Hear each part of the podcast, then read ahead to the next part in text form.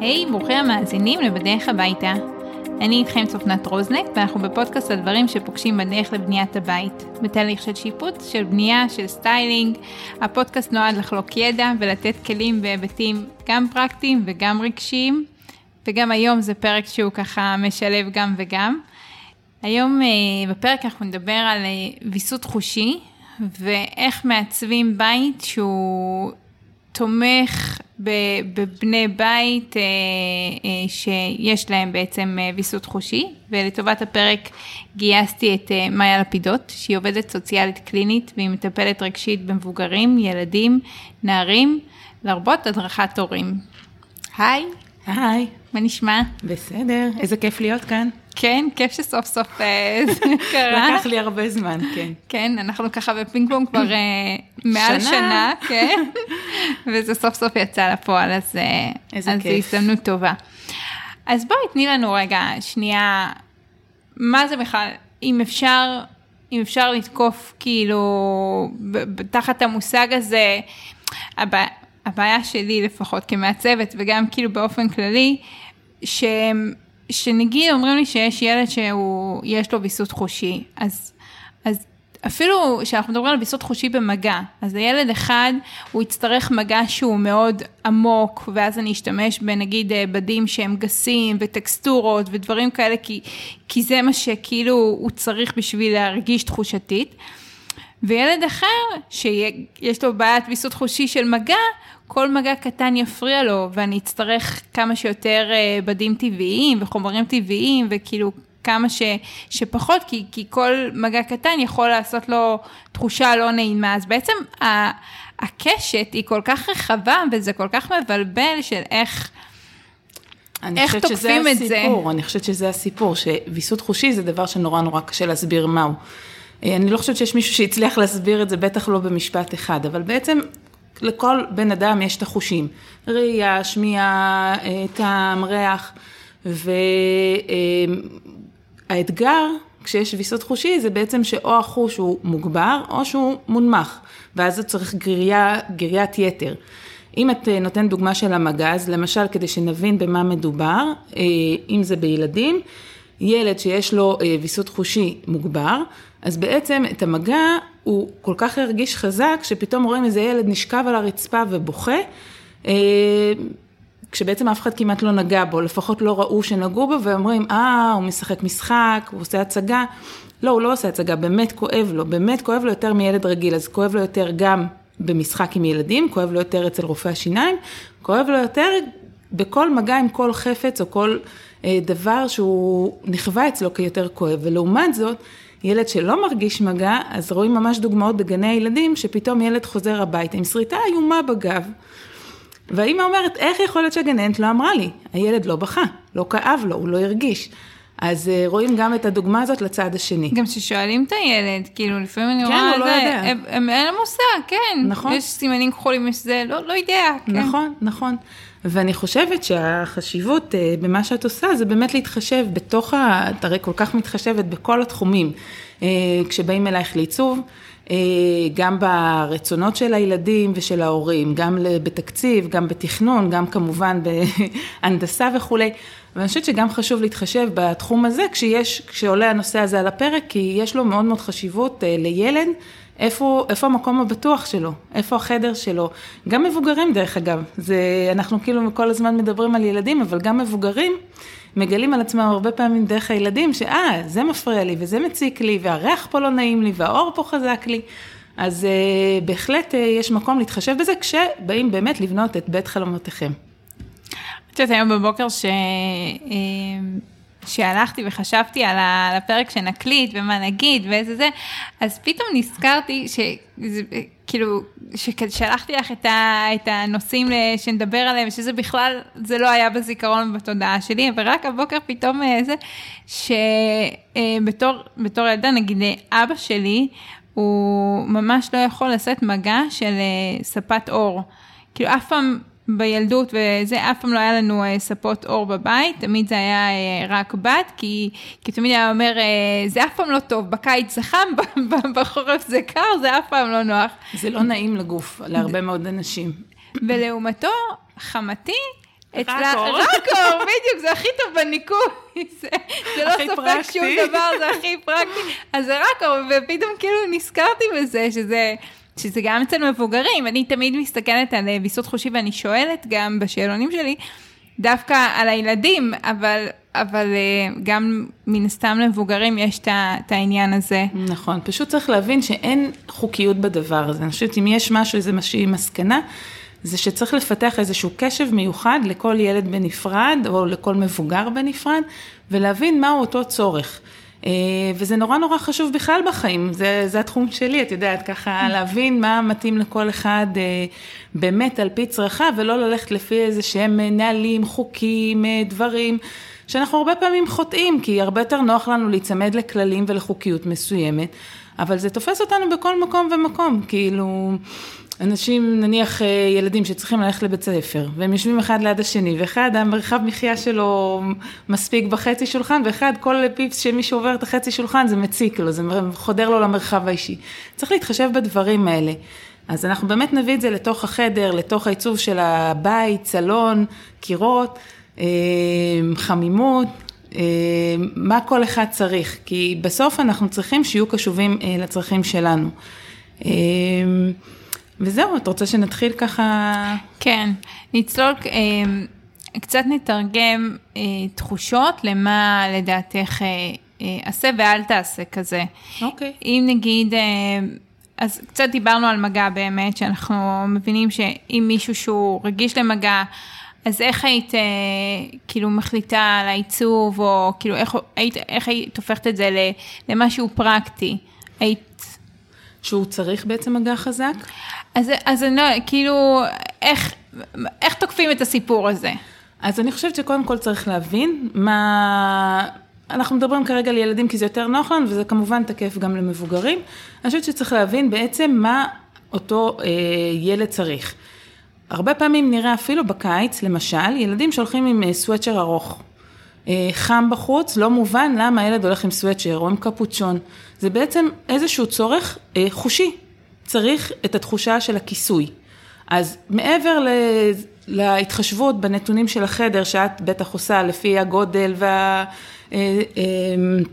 והנתונים אה, אה, היבשים, אנחנו בעצם נחשוב לעשות לו איזושהי פינה רכה כזאת, שהוא יוכל להתכסות בה ולקבל את אותו צורך חושי שהוא צריך. למשל, לנער מתבגר נעשה איזשהו פוף בצד, עם איזושהי שמיכת קרבולית כזאת, שהוא יוכל לקבל את הגירייה החושית שהוא צריך על האור, על הגוף. אה, לילד יותר צעיר הרבה פעמים אני ממליצה לעשות איזושהי פינה כזאת של מין כמו אוהל כדורים כזה, אבל עם משהו נורא רך בפנים, נורא פרוותי, אה, אפילו עם איזשהו פנס קטן, משהו כזה, כי החושך עם המגע הנעים והרך, זה נותן איזושהי רגיעה לגוף. אה, אחרי יום עבודה, אני קוראת לזה בגן, בבית הספר, שבאמת הם צריכים רגע, שנייה אחת, להירגע מכל הרעש שהם ספגו בכל היום. אז זה ככה ברמה של מישהו שצריך אה, את המגע הרך והנעים. יש ילדים שהפוך, הם צריכים דווקא את הגירייה, אה, חסר להם את הגירייה והם צריכים לספק אותה, אם זה על ידי קפיצות, אם זה על ידי נדנוד, אם זה על ידי אה, מגע ברגליים, מסאז', כל מיני דברים. ואז באמת יש כל מיני אביזרים שמרפאות בעיסוק מאוד מאוד יכולות לעזור בזה. לכל מיני עיסויים ומגע חזק, וגם אפשר איזושהי קפצית קטנה אם יש מקום בחדר, אה, אפשר איזשהו ארסל כזה, או אה, טיסו כזה שהולך מן התקרה, אה, שבעצם נותן איזשהו מקום לפרוק ולקפוץ ולהתנדנד. הצורך הווסטיבולרי זה בעצם השיווי משקל במרחב, ויש ילדים שמאוד מאוד צריכים את הנדנוד, את הגריה הזאת של סיבוביות כזאת, יש צלחת וסטיבולרית, תלוי באיזה גיל הילד, שיכול לתת איזושהי רגיעה לצורך הסנסורי שיש לאותו ילד. זה שרואים ילדים שקופצים על המיטות כל הזמן, זה זה? זה זה. זה לא על המיטות, זה בדרך כלל שהם רוצים לשבת לאכול, ואז אתה רואה את הילד קם מהשולחן, אה, רץ לספות, קופץ על הספות, אור לא אור, קופצים על הספות, ואותם אה, הורים אה, לא מבינים שזה באמת צורך, ואז למה אתה לא ממושמע, ולמה אתה לא מקשיב, ולמה אתה לא יושב עם כולם ביחד, הוא לא יכול לשבת ביחד, אז אנחנו נצטרך לספק לו את הצורך שלו בדברים שמתאימים לבית ולחוקי הבית, וגם להתחשב בצורך שלו, ולספק את הגירה החושית לפני שהוא יושב לאכול, ואולי גם אחריה. ואז הוא לא יוכל לשבת עשר דקות במקרה הטוב, אבל זה בדיוק זה. זה הקפיצות האלה על הספות, על המיטות, יש צורך ממש. אה, נורא, את יודעת, היום זה גם הולך ביחד הרבה פעמים, הבלבול בין היפראקטיביות לבין אה, קשב, לבין אה, ויסות חושים, הרבה פעמים גם חברים טובים ובאים ביחד. זה לא חשוב מה גורם לזה, חשוב להתייחס לזה שזה צורך, ולא איזה ילד שהוא שובב, או לא ממושמע, או לא מקשיב. יש אבל מקרים שזה, שזה כן, כאילו שובבות ו, וזה זה, או שזה, כאילו, את חושבת שזה תמיד צורך? איך? אני חושבת שילדים... עכשיו אני, חושבת בכובע של האימא. אני חושבת שילדים הם ילדים, הם לא בובות, אז זאת אומרת, יש להם צורך לפרוק, אנחנו, אני תמיד נותן דוגמה שזה כמו פלאפון, שאתה מטעין אותו כל הלילה, הוא צובר הרבה אנרגיה והוא צריך לפרוק אותה במהלך היום, ואם הוא לא פרק מספיק, אז צריך למצוא לו את המקומות האלה לפרוק, אז זה באמת לא חשוב אם זה קשב או ויסות, או לא חשוב הגדרות, חשוב להבין באמת צורך של כל ילד. לעומת זאת, יש ילדים דווקא הפוך, היפוטונים, שהם צריכים את הגירייה של ההורים ממש כמסאז' ולהזיז אותם וזה, כי הם יושבים מאוד מאוד רגוע. לא בטוחה שזה הדבר האידיאלי, זה נוח לנו כהורים, אבל לא בטוחה שזה הדבר הכי נכון לילד. ילד צריך אה, להיות שובב, לפרוק, לשחק, להשתולל. ברור שעדיף שיעשה את זה בגן ובבית הספר ולא בבית. זה הכל עניין של מינון ואיזון. כן, כאילו, והסתכלות כן. על הדברים ממבט אה, של אחר. להכיל את זה. כן. וכאילו דיברנו על העניין של המגע, אפשר לעשות הקבלה בין... בין החוש הזה של המישוש לשאר החושים? זאת אומרת, מישהו שהוא יצטרך, אה, נגיד את המגע העמוק וזה, זה בהכרח יהיה קשור להרבה תאורה והערה והפוך, או שלא לא, בהכרח? לא בהכרח. זאת אומרת, באמת, באמת, אני חושבת, למה זה נושא כל כך מבלבל ולא מוכר ולא מובן עד הסוף? כי יש פה אה, המון המון גורמים שהם מאוד מאוד אה, משתנים. אה, ויכול להיות שיש לך חוש אחד שהוא לא מאוזן או לא מבוסד, וחוש אחר שהוא בסדר, ויכול להיות שזה בא במקבץ. אה, בדרך כלל זה כן מגיע בכמה חושים, אבל זה לא אה, בהכרח. זה לא חייב, זה לא נפוץ. חייב, זה נפוץ. זה כמו שאלה בפסיכומטריקה, כל העורבים שחורים, לא, אבל כן, אה, כשיש רגישות, כן חשוב לדעת, דרך אגב, שזה, אה, לימים מבינים שזה גנטי. זאת אומרת, בדרך כלל, שלילד יש אה, בעיות ויסות חושי, בדרך כלל, תמצאי שגם להורה מפריע משהו אחד לפחות. אה, אבל זה לא לכל בני האדם. אני חושבת שלכל בני האדם. כן. אבל מי יותר ומי פחות. אני חושבת שעם הגיל ועם העומס אה, ועם החרדות שהמציאות אה, גורמת לנו לחוות, את יודעת, אנחנו קצת שוכחים, אבל לא כל כך מזמן הייתה פה קורונה, העלתה את רמת החרדה, וכשהחרדה עולה, אז הרגישות החושית עולה. אז אנשים יותר רגישים לרעש, לרעש של לחיצת עט, לרעש של מקלדת, לעיסת מסטיקים, זה ממש יש, את יודעת, יש הגדרה לזה מיזופוני, אבל לא משנה, יש עוד כל מיני רגישויות שאנשים מגלים על עצמם. אני יכולה לספר לך על עצמי, שבאתי איזשהו יום אחד אה, לאשת מקצוע, ו... היה מאחורה מין פרוז'קטור כזה. אמרתי, אם את רוצה שאני אדבר איתך, את חייבת לכבות את הפרוז'קטור. אני אומרת, לא, בדיוק התאורה לא זה. יש לנו רגישויות. היום את יודעת, אני אספר לך אחר כך, אבל שממש אני מקפידה על תאורה בקליניקה שלי. אה, הרבה בזכותך, אנחנו נדבר על זה. אני חושבת שכל אחד מבין בתוכו איפה הוא רגיש, לריח, לרעש, לטעמים מסוימים. את רואה את כל הילדים שהם אה, בררנים באוכל, אז אוכל זה גם עניין של שליטה, אם אנחנו מסתכלים על זה מבחינה פסיכולוגית, אבל לא רק. באמת יש ילדים שמאוד מאוד בררנים באוכל. עכשיו אני מתפזרת למקום קצת אחר, אבל כן חשוב לי להגיד שאם אני כבר מנצלת את הבמה הזאת... כן, כן, זה מעניין. אמ, ואז יש את המשפטים האלה, לא נורא, הוא יבכה, הוא יהיה רעב, הוא יאכל. לא, אם ילד הוא בררן באוכל, הוא יבכה, הוא יהיה רעב, הוא יבכה אחר כך עוד יותר חזק. לא בהכרח הוא יאכל, אם זה יושב באמת על בררנות. ולכן, באמת אני חושבת, אם אני מנצלת את הבמה הזאת, חשוב, חשוב, חשוב להקשיב אה, לצורך של ילד, להסתכל על זה ככה. לא משנה אם הוא בן שנה וחצי, שלוש, שמונה או חמש עשרה. אם זה המסר שאני יכולה להעביר דרך הפלטפורמה הזאת, אני את שלי עשיתי. זה, אבל תראה, כאילו בתור אימא שאני אני חושבת על הילדים שלי כל הזמן, אין מה לעשות, אני מדברת ואני מריצה את שלושתם.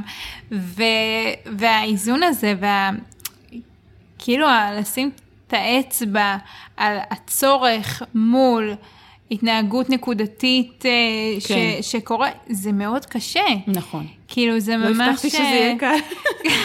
אני חושבת שהורות זה דבר מאוד מאוד קשה. מאוד. צריך להגיד את זה. זה לא דבר קל. אין אה, ספר אה, הפעלה כמו למכונת כביסה.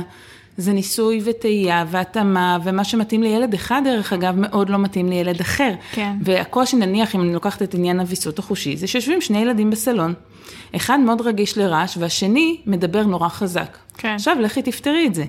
יש כל מיני מצבים בחיים שלנו שכל הזמן... יש לי זוג כזה שאני מלווה, כן? שהבעל מאוד כאילו, מדבר כזה... בטון גבוה. בטון גבוה ועם הידיים וכזה, ולאישה זה מאוד מאוד מפריע. כי זה אז, אה, חודר לה את המרחב שהיא יכולה לספוג. אז צריך לשים לב היא, לדברים האלה. היא בלי קשר מאוד רגישה לרעש, זאת אומרת, פעם ניהלנו כן, פגישה בבית קפה. זוג אחר, לא סתם. אולי זה יתחדד עם השנים, אני חושבת. זה כאילו, מתחדד אה, עם השנים, זה מחריף. מתגבר עם כן, השנים. כן, בדיוק. ואז הם צריכים להבין את זה, ונניח כשהם מדברים, אז אה, לתפוס אה, מרחק יותר גדול אחד מהשני, כדי כן. שזה יתאים לצרכים של שניהם, כי הוא לא יכול לשנות את הדיבור שלו, והיא לא יכולה לשנות את הרגישות שלה. פשוט אני חושבת שאם אני לוקחת מתוך הדוגמה הנהדרת הזאת, צריך לשים את הדגש, צריך לשים לב, לשים זרקור על מה שקורה, לראות אותו, ולהחליט מה עושים. עכשיו, אתה לא יכול רק לחיות לפי הצורך של הילדים, בואו, חשוב אה, כאילו גם נכון. לשמור על הערכים שלנו, תמיד אני אומרת את זה להורים, צריך לעשות את זה דרך הערכים שלנו, מה שמתאים לנו, בהתחשב בצרכים של ילד. אה, אבל כן, צריך להיות מודעים ל... לכל מקרה לגופו, כמו שאומרים. כן. ולראות אם זה משהו עכשיו נקודתי, שהוא עייף יותר, רעב יותר, עצבני יותר, או שזה משהו שהוא חוזר על עצמו, ואז באמת צריך לעזור לו. אם ילד הרגיש לאור ואתה תשים לו אור חזק בחדר, אז אתה לא מתחשב בו באופן יומיומי. אז עדיף, אה, סתם לדוגמה במקרה של אור, אה, קודם כל בבוקר נורא נורא חשוב לפתוח תריס ולא להדליק אור, תאורה חזקה ישר על העיניים, זה נורא נורא מסנוור, נורא קשור לקום ככה לאיזה מתקפת אור. ממש חריץ קטן בתריס, לאט לאט, אה, זה, ו- וכל ילד בהתאם לאור שהוא צריך. אז אפשר לעצב את אותו גוף תאורה. אבל בחדר אחד שיהיה דימר כזה, בחדר שני שיהיה אור צהוב יותר, בחדר שלישי שיהיה אור לבן, בהתאם לצורך של אותו אה, ילד סלש מבוגר. יש uh, בפודקאסט פרק שלם על תאורה, אבל uh, נגעת בדיוק בזה, יש גם, אפשר לשחק עם העוצמות, העוצמה של האור, וגם עם הגוון של האור. וגם אותו חדר יכול לקבל כל מיני פתרונות של אור, שיהיה אור מרכזי שהוא אה, נגיד נכון. לעוצמה יותר גבוהה, ויש איזשהו אור תאורת אווירה, ואז בבוקר לה, להדליק רק את התאורת אווירה, שזה כמו תאורת לילה כזה, או...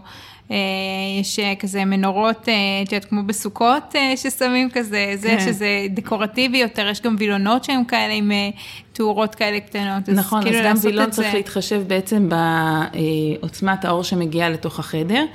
אה, ככה דיברתי מקודם על הקליניקה שלי, אז אני חושבת שאת מאוד עזרת לי בחשיבה הזאת, שעשינו באמת אור שהוא היקפי, שהוא נורא נורא חזק, כשאני עובדת על המחשב הוא מאוד מאוד יעיל לי, וכשאני בפגישות עם אנשים, אז יש לנו את התאורת עמוד רכה, נעימה.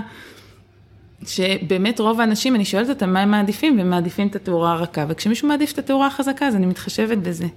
מעולה אה, שיש לך את השתי סוגים, כאילו, ואת יכולה להתאים... אה, כן, אז אני חושבת שאני היום יותר ויותר מתחשבת בדברים האלה. דרך אגב, גם ריח. מאוד מאוד חשוב, אה, אנשים שרגישים לריח, אולי לשים איזשהו, את יודעת, יש את כל הריחנים האלה, או, או להפך, מישהו שלא יכול לסבול את זה, כן. שלא יהיה. את יודעת, בלא בבניין שלנו שמו פעם כזה לא ספרי של הריח. נחנקתי, אני באופן אישי נחנקתי. כן. אה, רוב האנשים חושבים שזה כיף, אני פחות אהבתי. נכון. בסוף הורידו את זה, לשמחתי. אז באמת צריך כל מקרה אה, אה, לגופו. הייתי כאילו... באיזו פגישה של אה, הורדה מטבח לביצוע, שזו פגישה ארוכה. והיה שם איזה ריחן כזה שמשפריץ לאוויר כל כמה שניות שלא יכלתי לספוג את הריח הזה, באמת, אני סיימתי את הפגישה עם מיגרנה וגם תוך כדי כאילו... זה מאוד משפיע. זה היה לי ממש קשה, הרגשתי ממש... את יודעת שזה באמת משהו שהתחדד אצלי, כאילו אני חשבתי בהתחלה שזה בגלל הריונות וכזה, אבל זה נשאר כבר. אה, העניין הזה עם ריחות, שאני הרבה יותר רגישה לריחות... אה, אז ריחות זה דבר, זה טוב מאוד שאנחנו מדברות על זה, כי ריח זה דבר מאוד מאוד משמעותי. אני חושבת שמבין כל החושים, ריח זה החוש הכי קדום. וריח זה דבר שאנחנו נצרב לנו לאורך שנים. זאת אומרת, גם אם מסתכלים בפסיכולוגיה, בפוסט טראומה, ריח הוא דבר מאוד מאוד, מרכיב מאוד משמעותי בתוך הדבר הזה. אנחנו זוכרים ריח לפני שאנחנו זוכרים דברים אחרים. ו... אה, והקושי עם ריח שאת גם לא יכולה להסביר אותו הרבה פעמים. לא, אתה כאילו, לפעמים מרגיש... כאילו, ריח מחזיר אותך לאיזשהו משהו, אבל אתה לא יכול, כאילו זה לא חולצה אדומה. הוא יכול להחזיר אותך למשהו נעים זה... או למשהו לא נעים, והוא תוקף. זאת אומרת, אתה הרבה פעמים רואה ילדים אפילו בצהרונים שמגיע האוכל והם נחנקים. כאילו, הם מתחילים לבכות, נכנסים מתחת לשולחן, לא מבינים מה קורה להם, אבל הם עוברים איזושהי מתקפה. אז אה, בגן אפשר להסב את תשומת לב אם יש אה, סיבה, אבל בבית בהחלט נורא נורא חשוב, אה, אם יש ילד עם רגישות לריחות, אז במטבח אה, להתחשב בזה נניח עם אה, חלון שנפתח בצורה טובה כשמבשלים, עם אה, קולט עדים, עם כל מיני עזרים כאלה, אולי מאוורר להזיז את הריח ממקום מסוים, אה, להיות ברגישות לדבר הזה, זה נורא נורא חשוב. אה, יש לנו ריחות שאין לנו ברירה, את יודעת, כמו... שירותים. משירותים, כן. בדיוק. אבל, אה, וגם שם אפשר להתחשב, את יודעת, יש גם את כל הריחנים האלה שהם בלתי נסבלים ועושים כאב ראש, ויש דברים שהם יותר נעימים. אז, אה, ובאוטו יש את כל הריחנים. כאילו באמת צריך להתחשב בחלל ובריח שמכניסים לתוך החלל הזה, האם הוא נסבל, לא נסבל. גם ריח גוף הרבה פעמים, את יודעת, אפילו בושם, דאודורנט, נורא חשוב אה, להתחשב, זה לא רלוונטי לתוך ההתחשבות אה. בבית, אבל אני פשוט, ככה תוך כדי זה שאנחנו מדברות, אני חושבת על דברים שהם חשובים לשימת לב. יש אנשים שמחבקים אותך והריח שלהם נשאר עליך. אה, זה יכול להיות מאוד נעים, זה יכול להיות מאוד תוקף, אז נכון. צריך לשים לב לזה. ואז בעצם, אם אנחנו מדברים על כן, על הבית, אז אמרנו, אה, נגיד את האוורור של המטבח בזמן בישול, mm-hmm. על ה... יש את הריחנים, נרות, אה, זה גם סבונים, סבוני ידיים וגוף ודברים כאלה כן. mm-hmm. ברחצה. בדיוק, היום בבוקר מיקה אה, במקלחת אמרה לי, למה דווקא לך יש את ה... כי חפפתי ויש... אה, כן.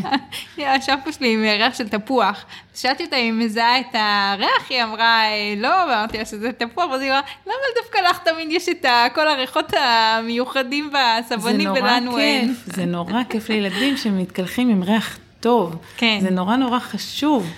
אה, שהם יכולים להגיד כבר מה הם אוהבים, מה הם לא אוהבים. אפרופו גם אה, מבחינה פסיכולוגית, נורא חשוב איזה בחירה אתה נותן לילד. אז אתה לא תתחיל להתפזר, בוא עכשיו תבחר כל מה שאתה רוצה. אבל אם יש משהו שחשוב ונעים לה, סתם לדוגמה, אז היא יכולה לבחור גם שמפו עם ריח טוב, אם, אם, אה, אם זה עושה לה כיף ונעים. כן, חמודה. חמודה מהיכרות. אז דיברנו בעצם על חוש המישוש בהתחלה, וחוש הריח, ועם האור זה חוש הראייה. Mm-hmm. אה, יש עם הראייה עוד משהו שאת חושבת עליו? יכול להיות עומס ויזואלי או מינימליזם, זה, זה קשור לוויסות חושי? לגמרי, זו שאלה מאוד מאוד מאוד חשובה. אה, מה שקורה היום זה שאנחנו רוצים לעשות חדרי ילדים מאוד מאוד עמוסים באביזרים. כי זה מאוד יפה, ויש דמויות אה, שמאוד אוהבים, ואז יש ציורי קיר, או טפטים, או המון אה, בובות, כל הפופ, כל מיני דברים שהם באמת מאוד מאוד יפים מבחינה עיצובית. אבל כשילד סובל מעומס ויזואלי, מה שקורה, הולך, זאת אומרת, אנחנו נכנסים לסופר למשל, אנחנו מרגישים נורא מחנק ואנחנו אפילו לא יודעים את זה לפעמים, כי העומס של המוצרים, וזה בכוונה, סופרים בנויים בצורה כזאת שהם... אה, אה, באיזה מין טור כזה, והעומס של מוצרים תוקף אותך מכל הכיוונים, אתה לפעמים אפילו מרגיש סחרחורת. אז ברגע שח, אה, שחדר של ילדים הוא עמוס, אה, מדי, זה יכול לעשות איזושהי תחושת אה, עומס רגשי גם. אה, בגלל זה, והרבה פעמים ילדים של קשב, מה שרואים, דו, דווקא ויסות חושי, אבל של קשב, הם משאירים את הארונות פתוחים, mm-hmm. ואת הדלתות של הכוורת פתוחות. ואז רואים את כל הספרים, וכל הבגדים, וכל הצבעוניות הזאת, וזה עושה עומס מוחי באמת, שקשה להכיל. לפעמים אתה נכנס, את יודעת, אומרים לבית יש אנרגיות, אני נורא מאמינה בדבר הזה. אתה נכנס לפעמים לחדר ואתה מרגיש כזה, כזה, מחנק, כן. ולאו דווקא בגלל בלאגן, זאת אומרת, זה יכול להיות מסודר, אבל עם כל כך הרבה עומס של פריטים, שזה יכול להיות too much. Mm-hmm. ולכן ההמלצה שלי באמת לפעמים, אה, לפחות את הרהיטים לעשות באיזשהו כוון אחיד, את הצבע של הקיר באיזשהו גוון אחיד, אה, ומצעים בגוון אחיד. זאת אומרת, עם כל הכבוד... מצעים ל... זה ממש נקודה, את יודעת? כן, עם כל הכבוד לספיידרמן, שאני מאוד מחבבת אותו באופן אישי, ואין לי בנות, אז אני פחות מכירה, אבל אנה ואלזה, או יש לי איזה חלום של פיות, אולי פעם אני אעשה לי איזה סדינים כאלה. אמ, בסוף זה עושה גם כן עומס, ולכן אה, גם נורא קשה למצוא לילדים, דרך אגב. מצעים שהם אה, נקיים. נכון, זה מה שרציתי להגיד, אני ממש חסידה של מצעים חלקים. אה, זה עושה, לי אישית, באמת, אני חושבת שיש איזה עניין עם עומס ויזואלי שהוא כאילו קשה לי להכיל אותו. חד משמעי. ואני ממש, לילדים שלי ממש חיפשתי בנרות, אני אומרת, סבבה, נגיד זה אנה ואלזה, אז הציפה יכולה להיות נקייה, וכאילו חלקה, ולמטה יש איזה איור קטן זה, אבל להדפיס את אלזה בגודל אחד לאחד, יותר גדולה מהילדה, זה כאילו, אה, זה מאוד קשה למצוא. היא נפלט על ידי אלזה, נכון, זה ממש ככה, ואני נורא מסכימה איתך על זה, וניקח לי הרבה זמן למצוא מצעים, אבל אני חושבת שבחברות שעושות מצעים, נכון שזה קצת יותר יקר שם, אה, יש מצעים, גם, גם הסוג של הבד הוא נורא נורא חשוב. נכון. אה, אני פחות יודעת להגיד אם זה ויסקוזה או קטנה או דברים כאלה, זה בטח את יודעת יותר להגיד. גם זה צריך אה, להסתדר עם הכביסה בבית וכולי, אבל זה כן חשוב שיהיה בד שהוא נעים. כי לפעמים יש את כל הניילונים האלה, או כל מיני דברים שהם מאוד מאוד לא מאוירים, לא הם מאוד מאוד לא נושמים, והם לא נעימים לגוף בעליל. אז מאוד מאוד מאוד חשוב להתאים באמת גם את המגע שיהיה נעים, וגם שיהיה נקי. ואז, אם נורא נורא בא לעצב את הפריטים, אז אפשר תמיד לעשות משהו שהוא יכול אה, להיות ולא להיות. מה זאת אומרת? נניח אפשר באמת הבובות פופ האלה, לשים אותם על השולחן, רואים שיש עומס ויזואלי, אפשר להכניס אותם לתוך הכוורת. כאילו כל הדברים שמתחשבים בהם בעיצוב, חשוב שיהיו יש לך בטח שם לזה, כאילו נגישים להורדה, אין לי את המילה הנכונה אה, לזה. כן, שיהיה אפשר להסיר אותם, זאת אומרת, לא לא, אם אני כן. צובעת את הקיר באיזשהו הדפס אה, מאוד זה, אני, יהיה לי יותר קשה נכון. להחליף, לצבוע קיר. צורי קיר זה דבר קיר. נהדר, אבל לפעמים זה גם יכול להיות מאוד מאוד תוקף, ואז כן. אחר כך לך תוריד את זה. נכון. זאת אומרת, עדיף איזושהי תמונה נורא יפה שבאמת אפשר להסיר אותה. נכון. עדיף בובות פופ שאפשר להכניס אותם לתוך הארון. אותם. אה, הבן שלי האישי מאוד אהב לבנות לגו, אז עשינו לו איזשהו ארון לגו, אה, שהוא עם דלת כזאת והוא חצי שקוף, ואז באמת הוא יכול אה, לפתוח ולהתחבר ללגו שלו ולסגור, וזה נשאר שם באיזשהו מקום ייעודי לזה, ולא שאת יודעת, כל הבובות לגו הם על השולחן. בכל מקום, וכן. כן. אני, מה שאמרת על המינון, אז במצעים נגיד, המינון שזה, זה הציפית של הכרית, אז נגיד היא יכולה להיות אה, יותר עמוסה, ואני אוהבת שיש לה שני צדדים, אה, ואז מקסימום יפה. אני הופכת, וכשהיא הולכת לישון היא לא צריכה להיות לה עמוסה בפנים, אבל כן כאילו... ביום אה, שיהיה לה יפה ונעים. ביום אם נכון. היא רוצה, אה, וגם ציפות של אה, שמיכות, אני אוהבת שיש להם שני, שני צדדים, ואז צד אחד שהוא יכול להיות אה, מצועצע, והצד השני אה, יותר רגוע, ואז יש את המשחק הזה. נכון, ואם מדובר גם בילדים קטנים, אולי אפשר גם... בובת פרווה, שנניח אה, בובה, לא יודעת, אה, אני לא כל כך מכירה, אבל של אה, ספיידרמן או אלזה לצורך העניין, היא נותנת גם את המגע, שהוא תחושה נורא נורא נעימה, שילדים שצריכים מגע, דרך אגב, בובת פרווה זה דבר נהדר. ואז גם אפשר בלילה להשכיב אותו גם לישון מאחורה באיזשהו סלסלה כזאת יהודית או משהו כזה, וגם אפשר לעשות את המשחק בעומס הוויזואלי, להוציא, להכניס, זה נורא חשוב, וגם להשתמש בזה לדברים נוספים. את יודעת, עכשיו שאנחנו מדברות, אני חושבת, אין מה לעשות, אני כל הזמן חושבת על הילדים שלי, והאמצעית שלי היא, היא מאוד לא אוהבת מגע, מאז שהיא תינוקת, היא לא אוהבת נגיד חיבוקים, היא לא מתקרבלים, היא, אני ממש זוכרת בת כמה חודשים שכאילו זה, והיא הייתה לוקחת כזה את הראש כזה אחורה ונרתעת mm-hmm, מה, mm-hmm. מההתקרבלות הזאת, והקטנה שלי לעומת זאת, מאוד מאוד אוהבת מגע, היא הראשונה והיחידה מבין הילדים שאוהבים... חיבוק אה, חזק. אה, את ה... לא, את כל ה... אה, בדיוק, הבובות פרוותיות האלה, אז יש לה כמה אפילו, אה, היה לנו תמיד סלסלה, כי מקבלים מתנות כזה, וזה בסלסלה של הזה, והגדולים לא היו נוגעים בהם, משחקים איתם, והקטנה כל הזמן עם איזה בובה, עם איזה משהו.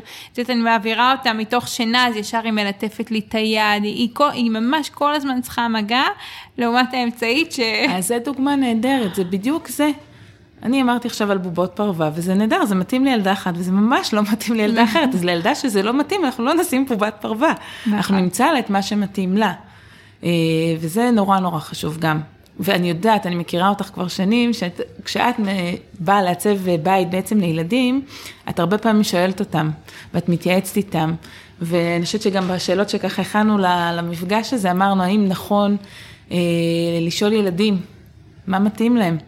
אז אני ממש ממש חושבת שנכון לשאול ילדים מה מתאים להם. אה, זה מאוד מאוד מדויק, זאת אומרת, ברור שההורים הם אלה שנותנים את הקווי מתאר, מה כן ומה לא, אבל בתוך הקווי מתאר של ההורים, עצם זה שילד בחר משהו, הוא כבר מרגיש אה, רגשית אה, הרבה יותר מחובר. והוא גם יודע להגיד מגיל מאוד מאוד צעיר מה כיף לו ומה לא כיף לו, מה נעים לו ומה לא נעים לו, מה טוב לו ומה לא טוב לו. לא להסס לשאול ילדים, הם ממש יודעים, זה לא פינוק יתר, זה לא התחשבות יתר, אנחנו לא, אני מכירה את כל העמדות האלה שצריך גבולות וצריך את זה, אני, אני באופן אישי, גבולות זה בין מדינות, וככה חשוב לעשות גבולות בהתאם לערכים של הבית, אבל גם בהתאם לצרכים של ילד. זה גבולות אמיתיים מבחינתי, כדי שילד בסוף באמת יביא את האני האמיתי שלו, זה איזשהו מונח בפסיכולוגיה, אבל זה הרעיון, זה הרציונל. אה, וכמו שאת אומרת, ילד אחד נורא אוהב בובות פרווה, וילד אחר לא אוהב בובות פרווה, ואנחנו באמת בתוך הקווי מתאר של התקציב, והגודל של החדר, והדברים הפונקציונליים שאנחנו צריכים, ואני לגמרי בעד פרקטיקה. אה, צריך עדיין בתוך כל הדבר הזה גם לפחות למצוא איזה נישה אחת שהילד בוחר מה הוא שם שם. זה בעיניי כשאני רואה אותך עושה את זה, אני נמסה, זה חשוב ביותר. זה, זה משהו שאני, אה, כאילו, אני עובדת ככה ואני ממש מקפידה על זה. והחדר שהכי קשה לי לעצב ללקוחות זה חדר תינוקות. כי אני לא, כאילו, אין לי, אני לא מדברת עם, עם מי שיגור שם, זה בעצם זה לעצב לאימא את החלום שלה, אבל היא, היא כאילו, היא כן תשתמש בו בשנים הראשונות, אבל לא, אז, אז כאילו זה, זה חדר שהכי קשה לי, כאילו להיות שלמה איתו, ש, שהוא, שהוא באמת מתאים ל, ליד, כי כי לפעמים היה לי אה, חדר של תאומות שהם עוד היו בבטן. אין לך אה, לדעת האופי אה, או מה, ואת יודעת, זה ממש אני חושבת שאת נוגעת בנקודה, מה זה חשובה? באמת, אני ממש שמחה שאת אומרת את זה, אני אולי קצת אנצל את זה עוד פעם לתוך הצרכים שלי, אבל אני חושבת שתינוק, בטח אם הוא הראשון, הבכור, כל מה שאני אומרת זה כמובן גם בלשון נקבה, היום חשוב להדגיש את זה, אם זה תינוקת ראשונה או בכורה, מאוד מאוד חשוב להבין שיש אופי לתינוק מ-day one. ויניקו דיבר על זה, אה, אני מאוד מאמינה במקום הזה שילד מגיל אפס, אתה רואה מה נעים לו ומה לא נעים לו.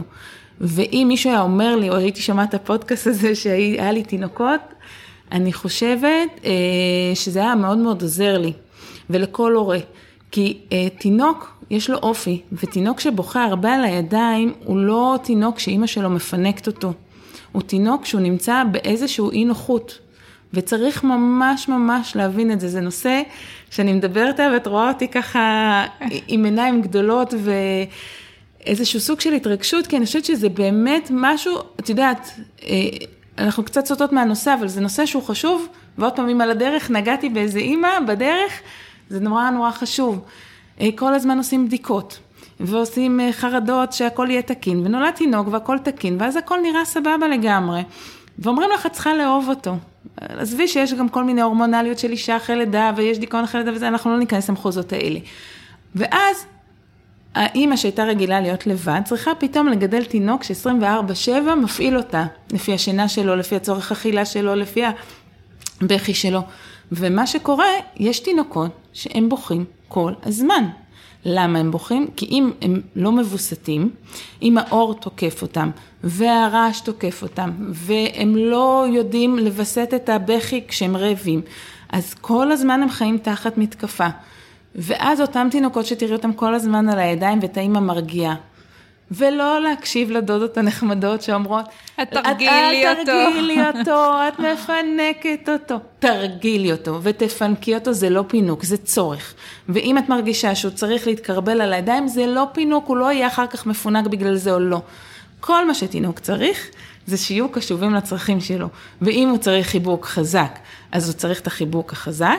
אם הוא צריך בובת דובי, אז הוא צריך בובת דובי, ואם הוא מסיט את הראש אחורה כי זה לא נעים לו, אז הוא צריך מגע מאוד מאוד מאוד חלש. אז אנחנו לא יכולים להתחשב כל הזמן, כי עדיין יש חיתול, וחיתול זה הדבר הכי לא נעים שיש, ועדיין יש כל מיני דברים שהם לא נעימים, אבל נורא נורא נורא חשוב לשים לב לדברים האלה. ואני עוד גוזלת עוד שנייה אחת, תינוקות הולכים לבדיקת דם, לטיפת חלב, מפשיטים אותם, מלבישים אותם. יש תינוקות שזה סיוט בשבילם והם צורכים. כשמפשיטים ומלבישים ומעבירים טמפרטורה וכולי, ורק תהיו בתודעה שיש דבר כזה. והכי הכי חשוב שבגיל שנה עושים להם איזה בדיקת דם, ילדים שהם רגישים למגע, צריך לשים משהו לריכוך לפני, יש אמלה, משחה.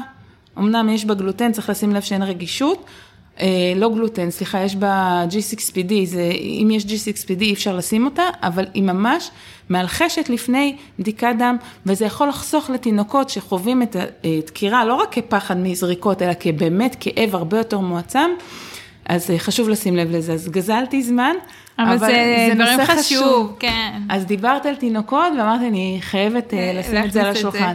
אז זה נכון שבאמת, ואת יודעת, כאילו מוצרי תינוקות זה גם עסק מאוד כלכלי, וגם מאוד ורוד, או מאוד כחול, או מאוד זה, ולא לא, לא בטוח שחייבים, אולי זה אוף ווייט כזה נעים, זה, זה הדבר הכי טוב, ואחר כך יכול לעבור גם מבן לבת, וגם כלכלי וגם אה, רגשי, יותר. נכון. אז ככה הייתי חייבת אה, להכניס את הנושא הזה. נושא חשוב.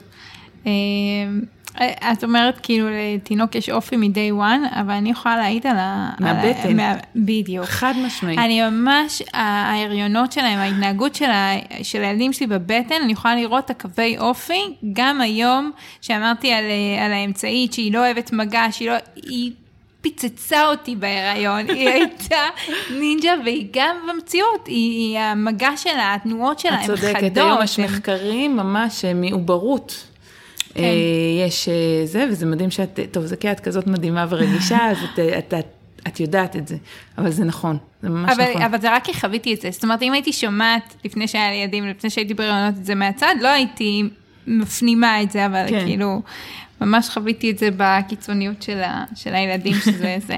רגע, אז אה, היינו בחוש הריח, חוש המישוש, ראייה. מה? רעש, שמיעה. רעש עוד לא ורעש. לא דיברנו על, נכון. על שמיעה. לגבי רעש, אה, חשוב להבין שבעצם אה, כשיש הרבה רעש, אנחנו מאוד מותקפים. תחשבו שאתם נכנסים לתוך גן ילדים או בית ספר ושומעים את כל הילדים צועקים, זה ממש מתקפה. אה, ואז כשאתה נכנס לחדר שלך, זה הפינה הרגועה שלך, הפינה השקטה שלך, ונורא חשוב שבאמת, אם אפשר להתחשב בתוך התחשיבים של ה... אקוסטיקה. של אקוסטיקה, בדיוק. ואת לימדת אותי שכששמים שטיח על רצפה אה, ווילון, זה נכון. בעצם מאוד דואג לאקוסטיקה בתוך החדר. בנוסף, כשעושים עושים בתקציב אה, דלתות, אז יש דלתות שהן אה, גם כן, נכון? חסינות לרעש. אקוסטיות, כן. כן. אז מאוד חשוב להתחשב גם, גם בדברים האלה. גם חלונות. נכון. חלונות זה ממש, זה, עכשיו זה תלוי איפה הדירה ממוקמת, אם היא על אה, אזור של כביש מהיר, או נכון. אזור שהוא יותר שקט, או אנחנו רוצים להכניס את הרעש מבחוץ פנימה, אם זה נגיד ליד איזה חורשה או משהו, ויש ציוש של ציפורים שנעימים לנו או, או לא, אה, ולהבין שיש כאילו, יש פתרונות אקוסטיים ויש אה, חומרים אקוסטיים שהם יכולים נכון. לבלוע יותר רעש, להוריד את רמת ההדהוד. נכון, אז זה באמת, אני חושבת שזה נורא נורא תלוי. כן. אה, בדרך כלל אני, כשהייתי צעירה, אני זוכרת שגרתי מעל כביש סואן, קומה ראשונה, שמעתי את כל הרעש, זה אף פעם לא הפריע לי. אבל היום, ככל שהתבגרתי וככל שאני זה, אני יותר זקוקה לסינון רעשים, אז אני חושבת שכאילו, באמת צריך להתחשב. מי הלקוח. כן. ובהתאם לזה אה, להתחשב, וגם להבין, את יודעת, כאילו לא לכל אחד נוח שטיח, ולא לכל אחד נוח אה, וילון. כי צריך לכבס את זה, וזה צובר אבק, והשאלה אם אין יותר רגישות לאבק, אבל צריך... זהו, באמת... לקוחות שהם אה, רגישים לאבק, תמיד יש... אה, אז אני חושבת שזה אפשר להתחשב, כמו שאת אומרת, בחלון, או ב... אה, בדלת, או שיש שם וילונות ונציאנים כאלה, נכון? שזה פס אור, פס חושך כזה? זה זברה, מה שאת אומרת, זברה, כן. זה אפשר לשחק עם האור, לזה התכוונתי. כן. אבל יש, יש גם, אפילו יש טיח אקוסטי שאפשר לצבוע איתו את הקיר, שזה... באמת שזה זה לא קשור, כן, שכאילו צבעים שהם יותר אקוסטיים, שהם בעצם, מה, מה, אני רגע אעשה שנייה איזה אה, סקירה קטנה על העניין הזה. אה, מקור אור, אה, סליחה, מקור אה, רעש שיוצא, הוא בעצם, אה, כאילו קל לי יותר לצייר את זה מאשר להסביר את זה, אבל אני אנסה בכל זאת. אה, הוא, הוא כאילו מגיע לאיזה... אה, תדמייני שמישהו יורה מאקדח קליע, ואז הקליע הזה ממשיך ישר בדרך שלו עד שהוא אה, נפגש עם משהו, איזשהו עצם שעוצר, חוסם, חוסם כן. אותו. אם זה קיר, אם זה חלון, אם זה כל דבר כזה. אה, מה שקורה לאותו קליע, הוא כנראה יפגע בקיר וייפול. מה שקורה לגל של קול, הוא יסתובב, וכאילו באותה זווית שהוא פגע במצע הקשיח הזה, הוא יחזור. אה, לחלל. Mm. ואז הוא יפגוש עוד פעם אה, מצע קשיח, נגיד הוא פוגש את התקרה עכשיו, באותה זווית שהוא פגש את התקרה, הוא ימשיך, וזה בעצם ממשיך וממשיך וממשיך בחלל הזה. כמו הד כזה. אה, בדיוק, כמו הד, זה, זה מסתובב עד שכאילו הוא נחלש יותר ויותר. אלא אם כן, המצע שהוא פוגש הוא מצע שהוא בולע, חוסם. שהוא יכול לחסום, להוריד לו את העוצמה. ואז אנחנו, אה, אה, זה בעצם השטיח, זה בעצם הווילון, הרבה פעמים שיש כונניות של ספרים, או, או דברים כאלה, רהיטים, או דברים שהם מבד, פעם היה שטיחים על הקירות. טוב שאין יותר. זה נכון, אבל אה, אנחנו רואים באולפני הקלטות, שזה כמו תבניות ביצים כאלה, מספוגים. נכון, זה, זה כשאנשים בעצם... מנגנים בתופים או משהו כזה. שאתה... נכון, נכון, אז בעצם הגלי קול נכנסים, גם הספוג הוא בולע, וגם הצורה המבנית הזאתי, כאילו הגלי קול כן. יעשו זיגזג בתוך הספוגיות אה, האלה. השקע הזה, כן, וילכו וייעלמו. אז, אז לא צריך לדעת את כל הדברים תיאוריה. שאפשר, את התיאוריה, אבל צריך להבין שאם יש רמת אה, רעש אה, בחלל שהיא לא נעימה, שהיא מציקה, יש דרכים לפתור את זה, זה לא גזירת גורל. אני חושבת כן. שכמו שעושים אה, אולמות תיאטרון, אולמות אה, קונצרטים בצורה מסוימת, הפוך. ללא נכון. מחסום וככה באיזשהו, נכון, תתקני אותי אם אני טועה במין קשת כזאת. עושים קשת בשביל שכאילו... שהאקוסטיקה ש... תגיע שהאקוסטיקה לכולם. תגיע, אבל, אבל תסתכלי על תקרות, הן הרבה פעמים מדורגות, ו... זאת אומרת, יש שם יש הרבה חישובים כן. והתחשבות, כן. אז זהו, זה מה שככה אסוציאציה שעלתה לי, וכשאת מדברת, אז אני אומרת, אולי לחבר'ה היותר מבוגרים שבינינו, נניח סטודנטים, או עכשיו צריך להתרכז באיזשהו... אה, לימודים, mm-hmm. לחזור מבית ספר, לעשות שיעורי בית, ואם יש אה, רעש, גרים ליד רכבת, גרים ליד כביש סואן, גרים ליד אה, שדה תעופה, מאוד מאוד חשוב להקפיד באמת שילד יוכל להתרכז, במיוחד שהיום הפרעות הקשב והריכוז והוויסות, מאוד מאוד מאוד קל לנו לצאת מתוך קשב בקלות רבה. גם כן. ככה יש לנו המון אה, דברים שמסיתים את אה, תשומת ליבנו, כמו כן. פלאפון, כמו כל מיני דברים, אז יכול להיות שבאמת שווה גם אה, להתחשב בדבר הזה. את יודעת שלאחרונה שאני עובדת, אני שמה, במק... זה ככה אני יודעת שהסתכנתי, אני שמה במקביל כזה מנגינה כזה של פכפוך מים וציפורים כזה, זה, וזה כאילו מרגיע אותי ונותן לי להתרכז יותר טוב, זה כזה, יש ביוטיוב, תקשיבי, כל מה שאת אומרת. זה פשוט, את מזכירה לי דברים, זה, זה כל כך מדויק. יש מה שנקרא בספרות המקצועית רעש לבן. הרעש הלבן הזה, יש כאלה שזה יעשה להם עצבים, אבל יש כאלה שזה ממש יעזור להם לפיקוס. זה בדיוק מה שאת מדברת, זה הפכפוך מים. יש שם מזרקות קטנות כאלה שאפילו ממליצים לקנות, mm-hmm. כי הם עושים את הרעש הלבן הזה. אמ, בקיצון, קיצון, קיצון שזה לוקח אותי, יש את החדרי סנוזלן, אני רק אגיד על זה מילה. ילדים עם כל מיני הפרעות בוויסות חושי, וילדים שהם באמת עם צרכים מיוחדים ברמה מאוד גבוהה, וכל הרמת ויזואליות והרעש וזה נורא נורא מציק להם, אז יש חדרי סנוזלן, אני רק אגיד על זה מילה, זה חדרים שהם כל כולם לבנים, עם כל מיני גירויים לבנים ואורות שמצליחים בעצם להרגיע את הצורך הזה בוויסות החושי. אז גם מבחינת רעש יש שם את הספוגים האלה, mm-hmm. האקוסטיים, יש גם מנגינה כזאת רכה ונעימה, וגם מנורות כאלה, ככה... שבאמת מאוד מאוד מרגיעים, וזה נמצא הרבה פעמים בגנים של חינוך מיוחד, או מקומות כאלה שבאמת ילד שהוא נורא נורא מוצף בכל מיני חושים, מגיע לחדר סנוזלם, זה כאילו מרגיע לו את הכל, כי זה גם ספוגים כאלה, גם בריכת כדורים לבנים, הכל לבן, לבן, לבן, ומין אה, כאלה כמו, שיש מנורות כאלה עם הבועות האלה וזה, אבל כאילו הכל כזה מאוד מאוד דתי. מנורות לבה כאלה? כן, שהן לבנות? לבנות, הכל לבן עם אורות מאוד רכים ומוזיקה זה. נשמע לי מאוד רחמי, מאוד, מה שאת מתארת. מאוד, בדיוק. זהו, וזה ככה באמת היציאה מהרחם, כמו שדיברנו קודם על תינוקות, היא יכולה להיות מאוד מאוד קשה למתקפת אור, רעש וכולי, ואני חושבת שזה בקיצון אה, האידיאלי, אנחנו לא יכולים באמת לעשות לנו חדרי סנוזלן, כן. אה, למרות שיש אנשים שעושים גם בבית את זה, אבל באמת אבל צריך... אולי לא אה, חדר, אולי פינה כזה שאפשר, כמו שאמרת, לאוהל הזה, נכון, לילד, נכון, אז כאילו, נכון, פשוט משהו- שיהיה לבן. משהו שיהיה, אפילו יש ילדים שהולכים לתוך הארון ומתחבאים בו. כאילו משהו שיהיה את המקום הזה לאן לברוח רגע, לנשום, אני לא סתם נשמתי. להסתגר עם עצמך. ו- וכן, לקבל איזשהו שקט שה... עוד פעם, בהתאם למה שאתה צריך, כי יש אנשים ששקט יביא להם רק עצבים. זאת אומרת, כן. זה צריך להתחשב ב... אני, אם תעשי לי את הדבר הזה של השקט, אני אקבל... אה, נרבים, כזה. תלכי, גרד. אני צריכה את הרעש, אבל אה, באמת כל אחד בהתאם לצורך האישי שלו. נשאר לנו חוש אחרון, חוש הטעם. זה נראה לי קצת קשה להביא, אבל יש לך אה, הקשר ל... האמת שלא חשבתי על זה בהקשר של בית. כן. אמ,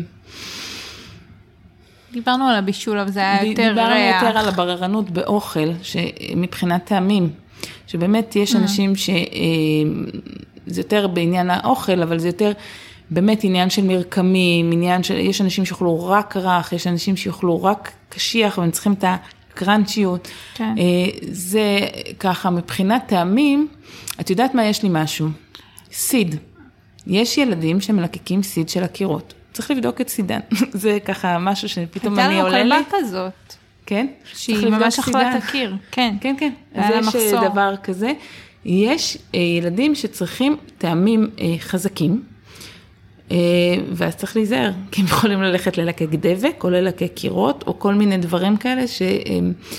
אה, אם הם אוכלים בצל ושום זה אחלה, אבל אם הם כאילו מתחילים להיכנס לדברים שהם לא צריכים, כן. אז צריך להבין מה, מה הצורך ומה זה, אבל זה פחות קשור לעיצוב הבית בטעם. אבל יש, אה, אה, אפרופו ללקק, וזה כאילו ילדים ששמים הרבה דברים בפה. אה, נכון. צריכים את הלעיסה, את ה... אני יודעת שלבת שלי קנינו ב- ב- בזכות הספר שלך, שתכף נגיד עליו, אבל את נשכן. הנשכן, זהו, אה, שרשרת נשכן כזאת, שהיא כאילו... נכון, אז זה, זה פחות עניין של טעם, זה יותר עניין של באמת הלשון. שדרך הלשון חוקרים המון המון דברים, זה, זה דבר, זה תהליך התפתחותי טבעי שכל תינוק בעצם שם את הדברים בפה. חוקר את העולם דרך הפה, לפני שיש לנו שפה, אז אנחנו חוקרים את הדברים דרך הלשון. מה שקורה שיש ילדים שיש להם איזשהו עיכוב התפתחותי בשפה, הם לפעמים רואים אותם נושכים או כל מיני דברים כאלה, כי יש להם את התסכול, וזה כבר סיפור אחר, אני לא רוצה להתפזר. לגבי. אה, הכנסת דברים לפה זה באמת איזשהו צורך בגירייה סביב הפה. ואז או שרואים ריור, או שרואים ילדים שצריכים יותר מוצץ ליותר זמן, או אה, הם צריכים את הגירייה הזו. אז באמת מרפאות בעיסוק נניח המליצו על אה, מסאז' כזה סביב הפה, אה, כל מיני מברשות, שיניים על הלשון, ככה כדי באמת לעשות שרירים ללשון ולפה. אבל זה היית כאילו דווקא מחברת את זה לחוש המישוש, ולא לטעם, לא? כן, זה, זהו, זה לא שאני קשור לטעם, נכון. כן. ואז הנשכן גם בא במקום הזה שנותן את הגירייה לאזור הזה שנורא נורא צריך גירוי, ואותם ילדים צריך ורצוי לתת להם אה, נניח לאכול דברים יותר קשים, גזר, תפוח עץ, גבינה צובלת שלי אותי למה, אבל זה תמיד עובד, וקש, לשתות מקש, אקטימל עם קש, כל מיני דברים, כי זה גם מרגיע את כל האיברים הפנימיים, אנחנו כל הזמן חושבים על האיברים חיצוניים, זה משפיע גם על האיברים הפנימיים. לגבי טעם בעיצוב הבית, לא, לא עולה. לי כרגע. כן. כן, גם לי לא. אולי כאילו זה מתקשר לעיצוב של המטבח, אבל לא, לא בהקשר של ויסות חושי. לא. זה קשור לו יותר לדברים באמת פרקטיים של משחת שיניים, אוכל, דברים כאלה, אבל לא לעיצוב עצמו של של הבית. הסביבה. אמ, אם יש מישהו שהוא, שהוא ככה מאזין לפרק והוא מצליח פתאום לה, לאבחן או לראות את הילדים שלו או את עצמו, את הבן זוג על הסקאלה הזאתי. אה, אני חושבת שבתחילת הפרק קצת אה, דיברנו על זה, אבל מה, כאילו יש איזה טיפ שאת יכולה לתת לו ש... סבבה, היה לך את ההבנה עכשיו, מה אתה עושה עם זה? כאילו, איך... אה, אני חושבת שטיפ שלי בכלל בחיים הוא לדעת להקשיב. כן. פחות להיות דיכוטומיים, פחות לחשוב לפי כללים uh, כתובים. אנחנו נורא נורא, uh, חברה נורא מרצה. אנחנו נורא רגילים... להיות מאוד לכאורה ממושמעים, אני יודעת שיש היום אלימות גואה וזה, וזה בדיוק הפוך, אבל כאילו אני מדברת על הגילאים הצעירים שאנחנו בשליטה, ויש עומס אה, נורא בגן, בבית ספר, וגננת או מורה טובה ככל שתהיה, לא יכולה להתמודד עם 30 ילדים אה, בבת אחת, שכל אחד בא עם הרגישות שלו, ואז היא יכולה להגיד לאותו הורה, אה, יש ככה וככה לילד ועושה ככה וככה, ואז אתה בא בשעה מאוחרת בסוף היום ואומר לו, למה עשית ככה וככה, וזה היה בשעה שמונה בבוקר. אז לא זה לא רלוונטי, זה, הוא לא כן. לא זוכר ואין טעם שאנחנו נזכיר לו. אני חושבת שנורא נורא חשוב אה, פחות להתרגש אה, מאיזה שהן אמירות כאלה ואחרות, אלא באמת להיות קשוב למה הילד צריך. ואם הולכים לאירועים משפחתיים ויש המון רעש והמולה, אז להיות רגישים לזה שלא לכל הילדים זה מתאים, אז לוודא שיש חדר אחד פנוי שהוא יכול להיכנס אליו. או אה, אוזניות, או ראיתי גם, או תמי נכון, אוזניים כזה. נכון, אבל לא כן. תמיד זה נעים להיות עם אוזניות, אבל בסדר.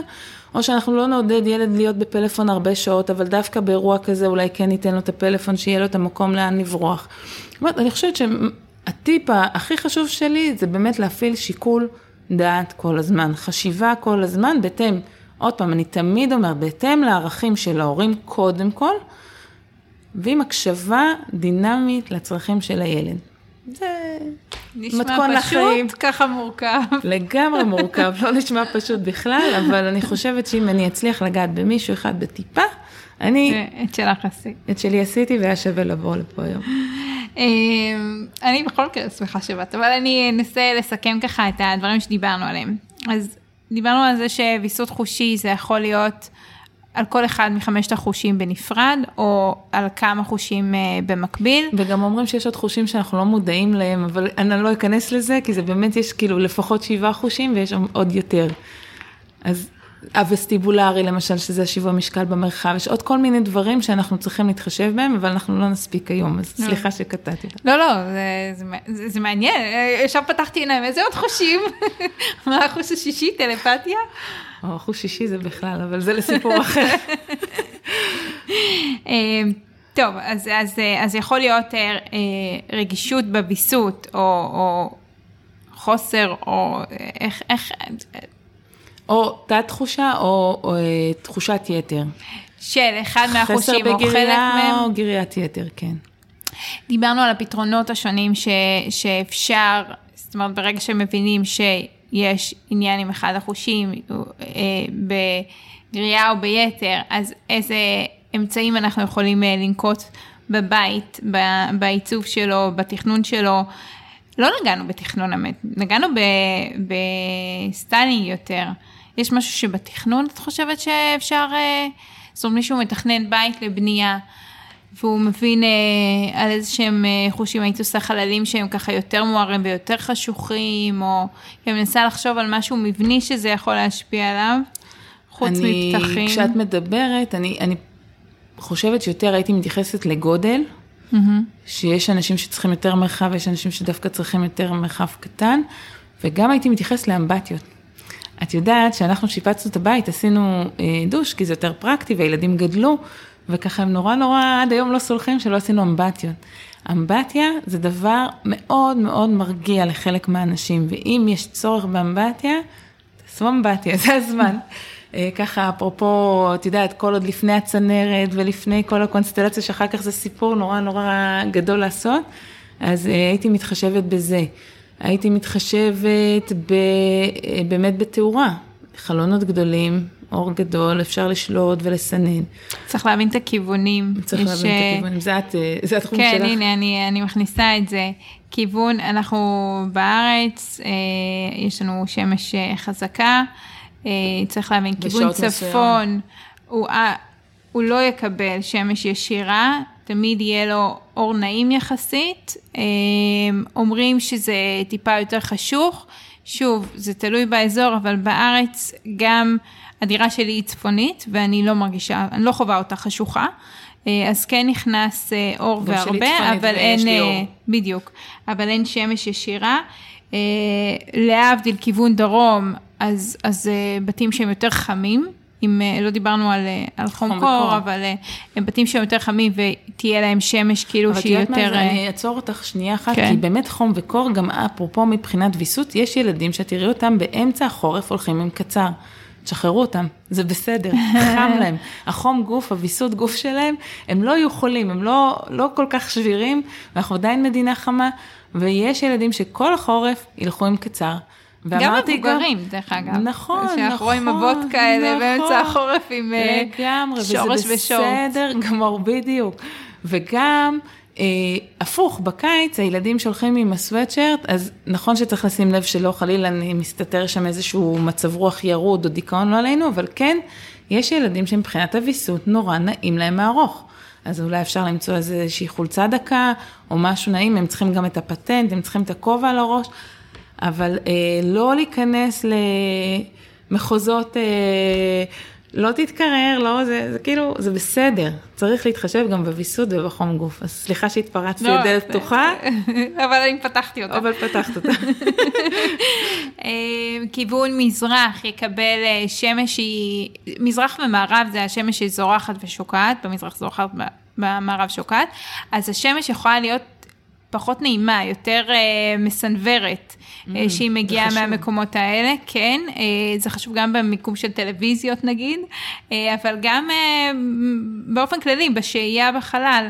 אמ, אז, אז במזרח השמש בבוקר היא תהיה לנו אה, שמה, ובבוקר הקרניים ייכנסו והן יהיו מסנוורות כזה ופחות נעימות. אז אני חושבת שלא קשור לוויסות חושי, אני חושבת שאף אחד לא נעים שקרניים מסנוורות אותו נקודה. זה... נכון, וצריך אה, להתחשב בזה, ובמערב באחר צהריים בעצם אה, תלוי חורף קיץ, אבל בגדול באחר צהריים בשקיעה. באיזה שעה שהיא שוקעת, אז, אז השמש תהיה ככה יותר מסנוורת ופחות נעימה. ואז אפשר פתרונות של הצללה, של אה, וילונות כפולים, שכאלה שהם כאילו מונות, זה, זה בעצם משחק עם, עם הבד, כמה שהוא מעביר ומונע. בד אחד שקוף ובד אחד יותר עבה. נכון, כן. Mm-hmm. אמ, אז זה ככה, אם, אם אנחנו בשלב של בנייה, זה נקודות אה, שלא דיברנו עליהן והן אה, חשובות. חשובות, כן. גם לתכנן את התאורה, עם גוף תאורה אחד מרכזי, או דור, גוף תאורה היקפי, כמו שעשית אצלי, או כל נכון. מיני, אה, יש הרבה פתרונות היום, שבאמת, ברגע שיש מודעות, אפשר להתחשב בהם. צריך ספציפית, האמת זה, זה נקודה מעניינת, זו קליניקה שהתקרה היא לא מאוד גבוהה. אה, ולא רציתי לגזול יותר מהגובה של החלל, שגוף שהוא יורד, ואין אופציה לשקע בתוך התקרה אה, גוף, נכון. אז מה שעשינו זה אה, פס לד כזה היקפי, שהוא לא לוקח מהנפח מהגובה. מצד אחד, מצד שני הוא, נתן, הוא נותן הערה טובה היקפית, לא שהיא לפעמים, כן. והוא, לא, והוא מאוד נעים, נכון. כן. טוב, אז, אז שוב פעם אני מסכמת. נגענו בכל אחד מהחושים, אה, אם יש אה, חוסר או, או עודף, איזה אמצעים אנחנו יכולים אה, לאזן את זה בבית. הקשב שלנו לסביבה, אני חושבת שזה הדבר החשוב ש, שנכון להתחיל איתו ו, ולהמשיך איתו ולסיים איתו, זאת אומרת, נכון כל הזמן. לנסות לראות כל אחד מבני המשפחה נכון, עם הצורך שלו. נכון, גם לא לשכוח את ההורים, חד משמעי. נכון, שזה יש uh, נטייה לפעמים שזה ממש מוביל למצוקה באיזשהו, אחרי זמן מסוים שלא מתחשבים בעצמנו. זהו, אני חושבת, אני אסגור את הפרק עם uh, שאלה שאני סוגרת כל, כל פרק איתה, וזה מה המקום האהוב עלייך בבית שלך. טוב, אני חושבת שזה די ברור, אבל זה המקום האחרון שעשינו, זה הקליניקה שלי. זה ה baby שלי, זה המקום האהוב עליי גם מחשבתית וגם מאוד עזרת לי לעצב אותו, לפי הצורך שלי בתוך הקליניקה, אה, שיש בו ספות מאוד מאוד מאוד נוחות ונעימות ורצפת עץ ושולחן עץ וספרייה מעץ שנותנים חום, שככה התחברתי לזה פעם ראשונה בזכותך, אה, ויש לי פינת עבודה ויש לי ספרות מקצועית ויש לי משחקים לילדים שבאים לקליניקה, וגם בשעות הפנאי שלי אני יכולה לעבוד שם, או לשחק עם אחד הילדים שלי, ויש איזושהי פינה, אפרופו, שהיא שקטה ונעימה, ועם ריח נעים, ועם התחשבות בתאורה נעימה, ובאמת כל הטיפים שנתנו היום פה, אני חושבת שיישמתי אותה בתוך הקליניקה. כן. שהיא באה אחרי כל המודעות לדברים האלה, וזה בהחלט המקום הנעים שלי. זה כיף. ותודה כיף לך. לי כאילו לשמוע את זה בתור זה, אני, אני, שהייתי שם, כאילו ממש, נכון, יש משהו גם בבחירה של. הגוונים, של ה... לא יודעת, שאם אם באמת, אה, כמה קטן, ככה נעים. חם, כן, נעים. כן, כיף. אז נגיד שבאמת יש לך את הקליניקה בנתניה, שאת מקבלת ילדים, הורים, גם וגם. בעצם אני מטפלת היום בילדים ונוער, לרבות הדרכת הורים, וגם באנשים מבוגרים באופן אה, פרטני. אה, יש לי הכשרה גם בטיפול בילדים על הספקטרום, ואני מוכרת על ידי משרד הביטחון, ככה שמישהו אה, מוכר על ידי משרד הביטחון יכול לפנות אליי.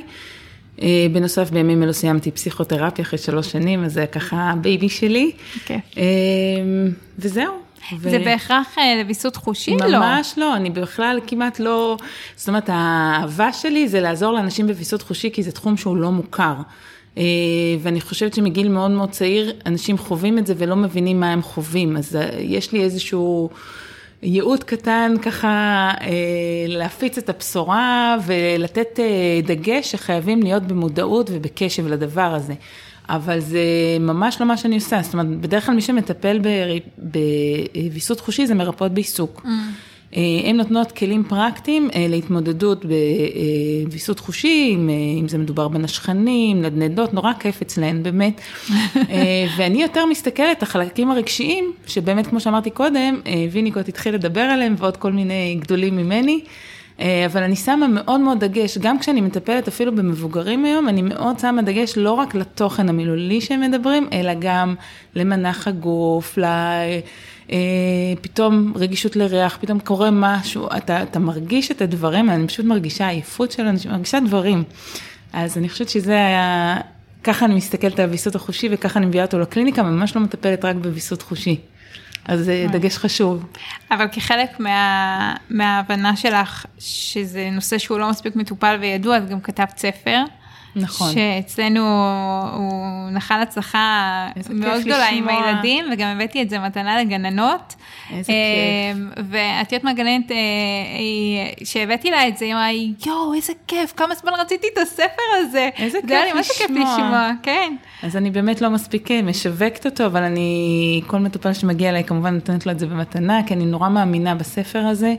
זה ספר שנכתב עבור ילדים, כי זה באמת נושא שנורא קשה להסביר אותו, ודרך אה, דמויות שם של כלבלבים אפשר להתחבר ולהבין, וגם אם לא הכל אה, מדויק לכל אחד, כי כמו שאמרתי, כל ילד עם החוש שלו, עם הקשיים שלו, זה בהחלט גם משהו שפעם את אמרת לי וככה נצרב לי בראש, שזה מלמד אותך לקבל שמישהו אחד יכול להיות שונה ממך, זה, זה חולש על המון המון תחומים וגם יש בו כלים פרקטיים.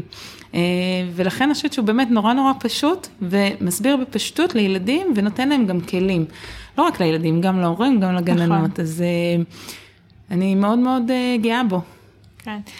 הכלים הפרקטיים זה נכון, כי כל, כל, נקרא לזה בעיה, אבל זה לא בעיה, אבל כל מאפיין של חוש, נתת שם איזשהו דרך להתמודד עם זה, ומה אפשר לעשות עם זה. נתתי דוגמה ונתתי באמת הסבר אה, לאיזשהו כלי פרקטי שאפשר להתמודד עם זה. שזה מעולה, זה לא רק להגיד את הבעיה, זה גם כאילו לתת את הכלי. כן, אני בכלל מאמינה שלהתמקד בבעיות זה פחות נכון, אלא להתמקד בפתרונות זה הנכון.